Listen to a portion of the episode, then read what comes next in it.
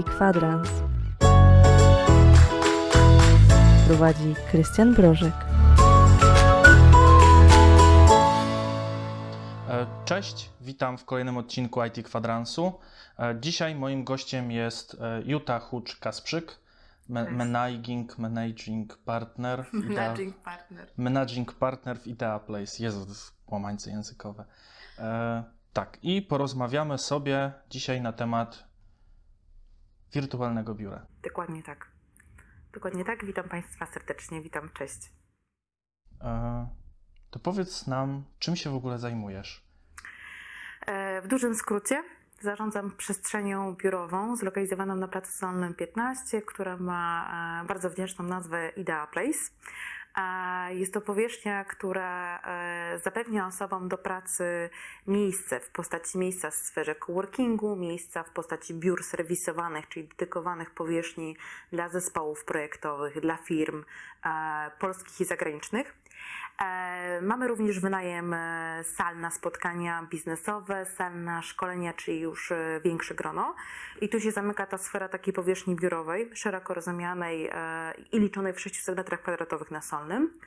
I drugim aspektem naszego działania jest wsparcie wirtualne dla naszych klientów. I w ramach tego wsparcia wirtualnego posiadamy tak zwaną usługę wirtualnego biura określenia, które się przyjęło i utarło w polskim e, słowniku i wyrażeniach, jak ono funkcjonuje, ale zaraz też powiem, dlaczego nie lubię tego określenia, bo jest ono w przypadku Idea Place mm, dość nietrafionym określeniem. I oprócz tego wsparcia e, wirtualnego biura, jeszcze mamy usługę wsparcia asystenckiego, czy jakby dopełniamy tą e, sferę, w której zdalnie wspomagamy naszych klientów. Okej, dobra, to w takim razie czym jest wirtualne biuro i dlaczego nie lubisz tego określenia? Nie lubię tego określenia i zacznę od tego, ze względu na to, że e, w słowie samym wirtualnym jest już konotacja, że to jest coś, co nie jest w rzeczywistości, nie funkcjonuje. Tego nie da się dotknąć, poznać, zobaczyć, bo z założenia powinno e, funkcjonować tylko w świecie wirtualnym.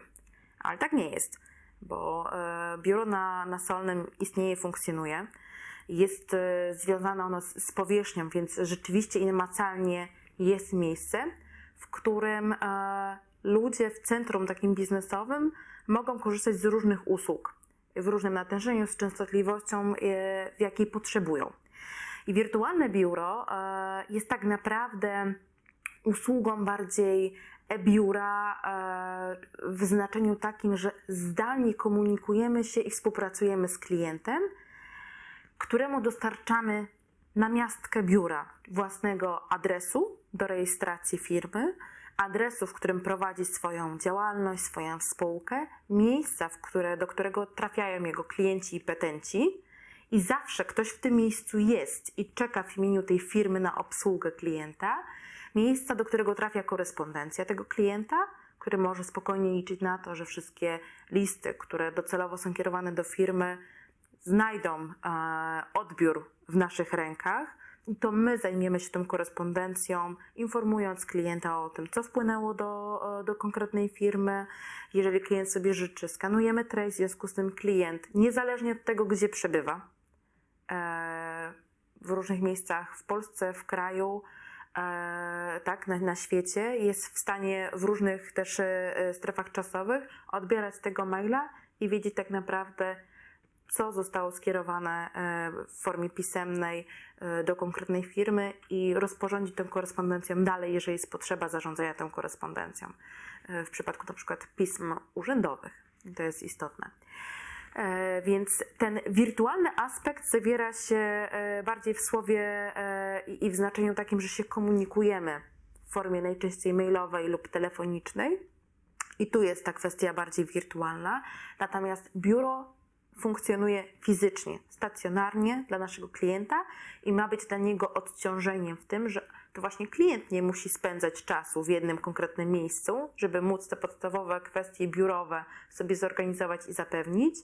W związku z tym ma bardzo dużą swobodę w prowadzeniu i rozwijaniu swojej firmy. Jest w stanie podróżować e, w celach służbowych i prywatnych i mieć e, przekonanie, że tutaj na miejscu gdzie jest zarejestrowane jego, e, jego biuro, jego firma pod tym adresem. Zawsze jest ktoś, co, kto jest w stanie obsłużyć go w tym aspekcie administracyjnym.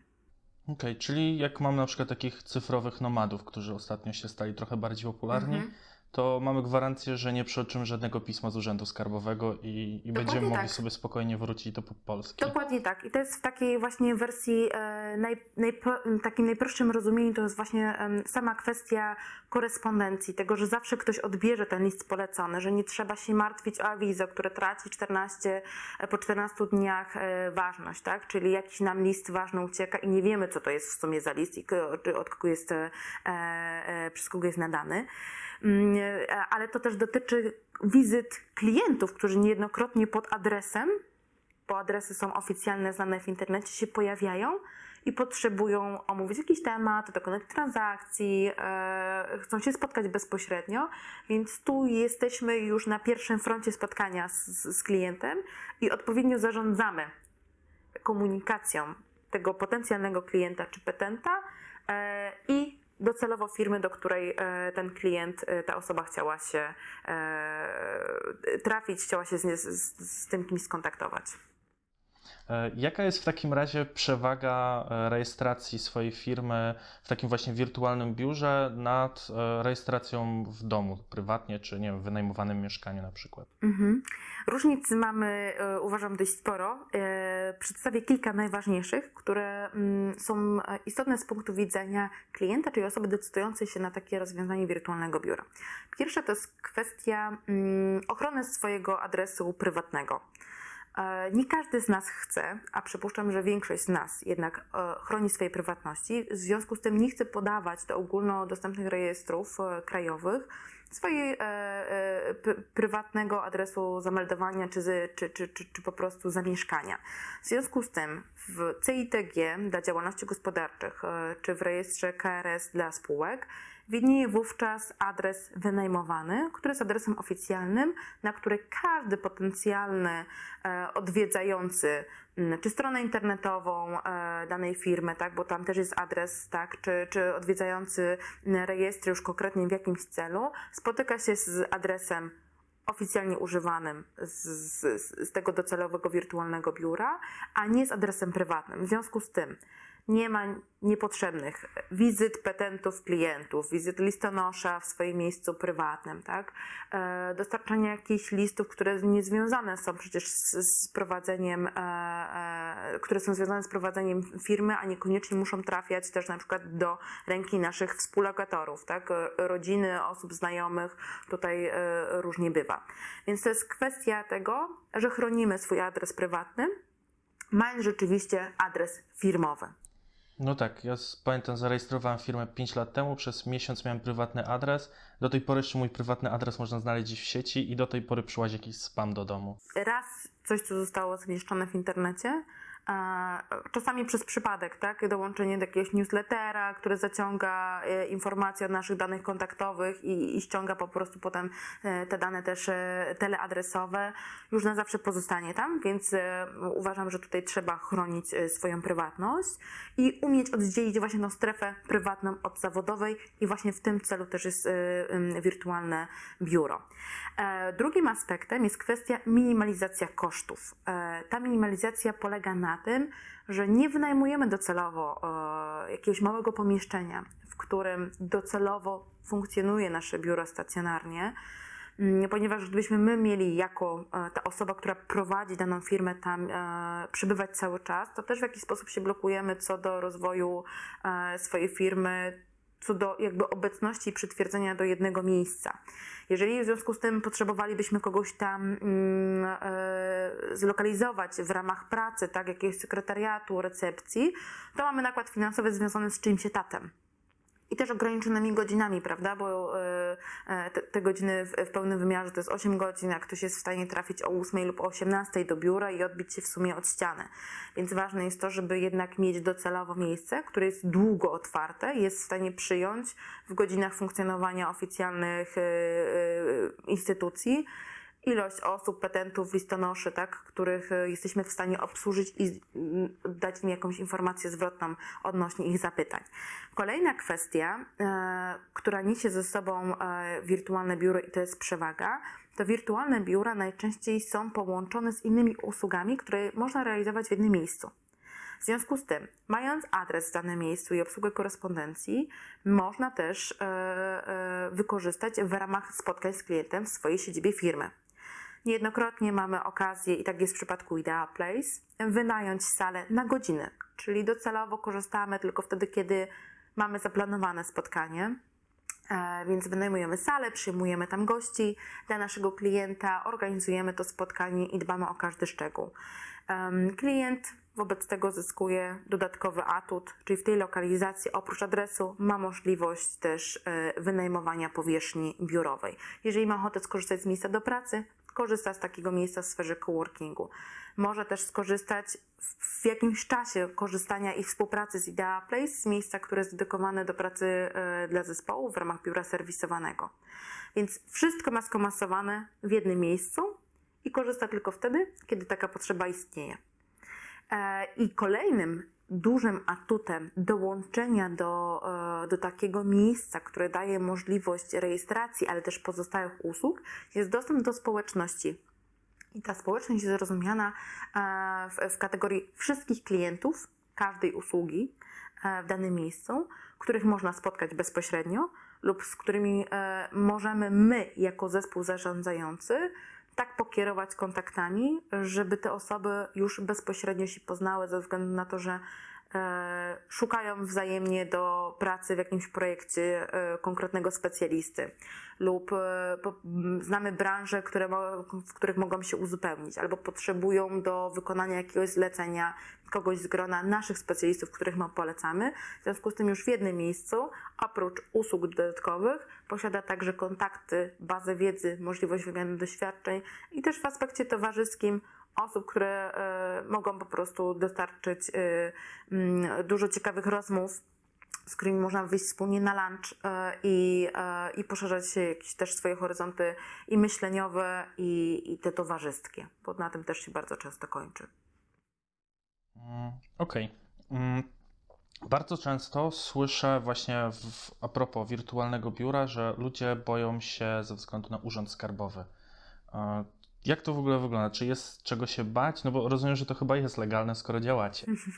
tak, jak najbardziej. E, e, usługa jest legalna i ona od zawsze jest legalna. E, my funkcjonujemy już niespełna 10 lat e, i od takiego czasu prowadzimy e, usługę rejestracji e, pod naszym adresem. Mm, I oczywiście, że w, trakcie funkcjonowania różne były etapy, w których na przykład odgórnie e, rząd regulował sprawę e, prawną korzystania z takich usług i też sposób, w jaki urzędy skarbowe mają weryfikować e, podmioty, które są zlokalizowane w tak zwanych wirtualnych biurach, mm, ponieważ doszło do pewnego precedensu, który mm, z powodu łatwości dokonywania rejestracji przyniósł e, niestety negatywną opinię e, e, wirtualnym biurom, e, w których tak zwane firmy krzaki dokonywały rejestracji. Ponieważ chciały mieć miejsce, które będzie innym miejscem niż adres domowy właśnie, przerzucały y, swoją, e, e, swoją siedzibę do, do takich miejsc wirtualnych, niejednokrotnie nie wywiązując się potem ze zobowiązań finansowych wobec e, wobec takiego biura, ale też wobec właśnie urzędów finansowych. Stąd takie negatywne reperkusje i negatywny wydźwięk. To oczywiście prawnie zostało w sposób dość uważam e, konsekwentny i, dobry, ujarzmiony. Stąd też tutaj kwestia tego, że w momencie, w którym potrzebujemy zarejestrować podmiot, najpierw trzeba mieć umowę, którą trzeba na przykład przedstawić w KRS-ie, żeby mieć e, tytuł prawny w ogóle do, do korzystania z takiego adresu. Więc mamy to w pewien sposób uporządkowane i jest to sformalizowane. Pytanie, czy się bać e, e, takiego w ogóle kroku, podjęcia takiej decyzji właśnie w perspektywie tego, że Urząd Skarbowy negatywnie patrzy. Uważam, że już nie ma teraz takiej nagonki na wirtualne biura, ale to też jest wynikowa tego, że wirtualne biura w dużej mierze konsekwentnie pracują na swój wizerunek. E, i starają się, tak jak my robimy, poznać swoich klientów, e, nie podpisywać umów e, zdalnie, tylko zobaczyć swojego klienta w siedzibie firmy, porozmawiać o biznesie, o perspektywie współpracy, o zasadach, które nas będą łączyły, o tym, że ta współpraca jest poważna, że, że należy traktować regulacje naszych praw i obowiązków w umowie z, taką, z takim należytym szacunkiem i ta postawa powinna być partnerska z jednej i z drugiej strony. I też przede wszystkim nie iść na akord, e, a na jakość tych klientów, czyli zweryfikować klienta, tak? przygotować do, do spotkania z klientem, wiedzieć, czy, czy rzeczywiście mamy e, okazję podjąć współpracę z kimś, kto poważnie myśli o, o nas jako swoim wyborze, czy tylko traktuje nas jako właśnie takie tymczasowe rozwiązanie, które niekoniecznie zakończy się pozytywnie. Więc tutaj to jest też duża doza e, ryzyka i niepewności. E, dlatego warto się e, zgłębić nad tematem tej, tej relacji biznesowej i, i poświęcić czas na poznanie klienta. Ważne jest to, jaką markę się zbuduje. My jako Idea Place od lat sukcesywnie pracujemy na, te, na tę reputację i wypracowujemy sobie też relacje z miastem, między innymi też z urzędami, a przede wszystkim z urzędem, pod który podlegamy, ponieważ zaprosiliśmy urzędników do nas do biura, pokazując, że nie jesteśmy wirtualni, więc jakby ta idea um, nieuchwytności klienta u nas nie istnieje. Nasi klienci oczywiście e, w sposób e, tymczasowy korzystają z jakichś rozwiązań stacjonarnych w biurze, ponieważ w większości czasu ich po prostu nie ma we Wrocławiu albo w tej lokalizacji. Więc e, u nas Urząd Skarbowy już bywał i zaprzestał bywać z tego powodu, że mają do nas zaufanie. I teraz na przykład weryfikujemy e, współpracę z danymi klientami dla Urzędu Skarbowego właśnie w formie online'owej. Więc to jest też bardzo wygodne rozwiązanie. Tutaj nie trzeba się obawiać niezliczonej ilości kontroli i wizyt, które trafiają z powodu na przykład zarejestrowania nowego klienta tylko mm, wymieniamy się w formie e, mailowej, onlineowej oświadczeniami, czy dany podmiot rzeczywiście ma prawo do korzystania z adresu, czy tego prawa nie posiada. Więc tutaj to jest kwestia właśnie uregulowania sobie wewnętrznie spraw z Urzędem Skarbowym. I dzięki temu mamy sytuację, w której nasz klient bezpośrednio nie musi tej kontroli przechodzić to my tutaj dopełniamy tych kwestii formalnych, e, żeby zapewnić klienta o tym, że mm, wszystko przebiegło jak należy, że rzeczywiście Urząd Skarbowy mm, został poinformowany o tym, że jest prawo do lokalu, więc ta kontrola przeszła w sposób pozytywny. Okej. Okay. E, dobra, to e, już tak powoli kończąc, na co w ogóle zwrócić uwagę szukając takiego wirtualnego biura? No bo tutaj większość osób z IT będzie e, słuchała tego podcastu i oglądała na YouTubie. Mhm. E, no i na, na, co zwrócić właśnie taką uwagę? E, ja przede wszystkim zachęcam do tego, żeby oprócz researchu, który jest najczęściej i w pierwszej kolejności robiony e, w internecie na podstawie wyszukania sobie e, miejsca, czy tam miejsc, które chcielibyśmy porównać, popytać swoich znajomych, czy mają do polecenia już biuro, z którego korzystali bądź korzystają. I działać tutaj na zasadzie poleceń i weryfikacji danego miejsca przez pryzmat opinii osób, z których zdaniem się liczymy, bo to jest istotne.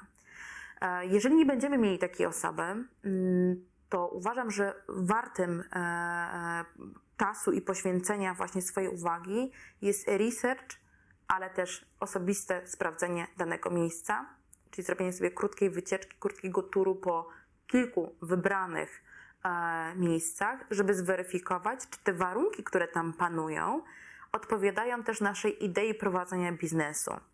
Czy to jest miejsce, które jest dla mnie przyjazne, w którym ja się czuję e, ok, w którym ja chciałbym przyjąć moich gości, jeżeli takowa potrzeba e, nastąpi, czy to jest miejsce, w którym chcę, żeby petenci trafiali i z jaką obsługą się spotkają. Czyli tutaj ważne, żeby poznać zespół, który będzie ze mną współpracować, e, żeby krótko porozmawiać i poczuć, czy jest tak zwana chemia między nami, e, czy, czy, czy będę obsługiwany w sposób, który chciałbym, żebym ja był obsługiwany i moi klienci.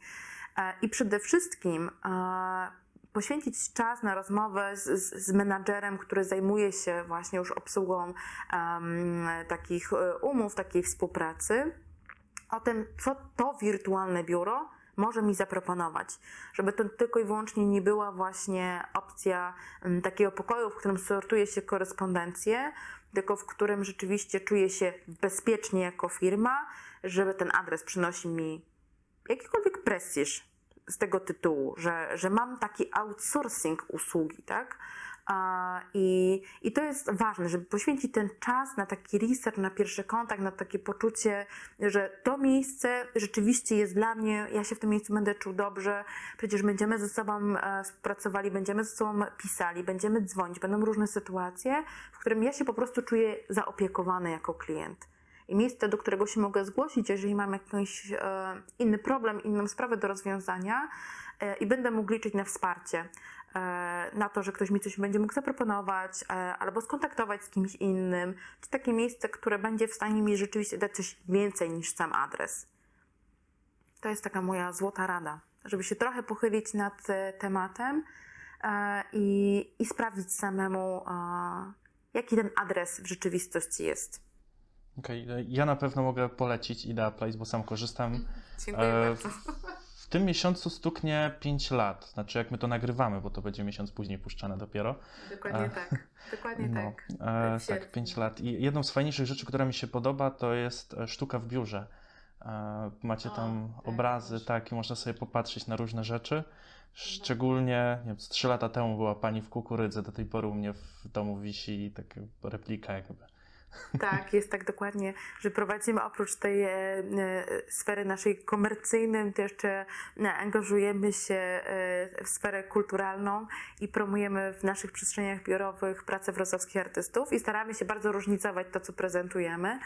Teraz w, w, erze covidowej jesteśmy trochę zablokowani, więc na nasz projekt musi chwilkę poczekać, aczkolwiek są pomysły do zrealizowania i mam nadzieję, że jak już będziemy mm, czuli się trochę bezpieczniej e, w kwestii takiej zdrowotnej przebywania już w trochę szerszym gronie, to będziemy mogli zrealizować kolejną odsłonę projektu Art in the Office e, i, i mogli mieć kolejne wspomnienia e, co- do prac, które gdzieś tam zapadają w głowę i w pamięć. Okej, e, dziękuję bardzo za rozmowę. Dziękuję również i zapraszam serdecznie do Ida, please.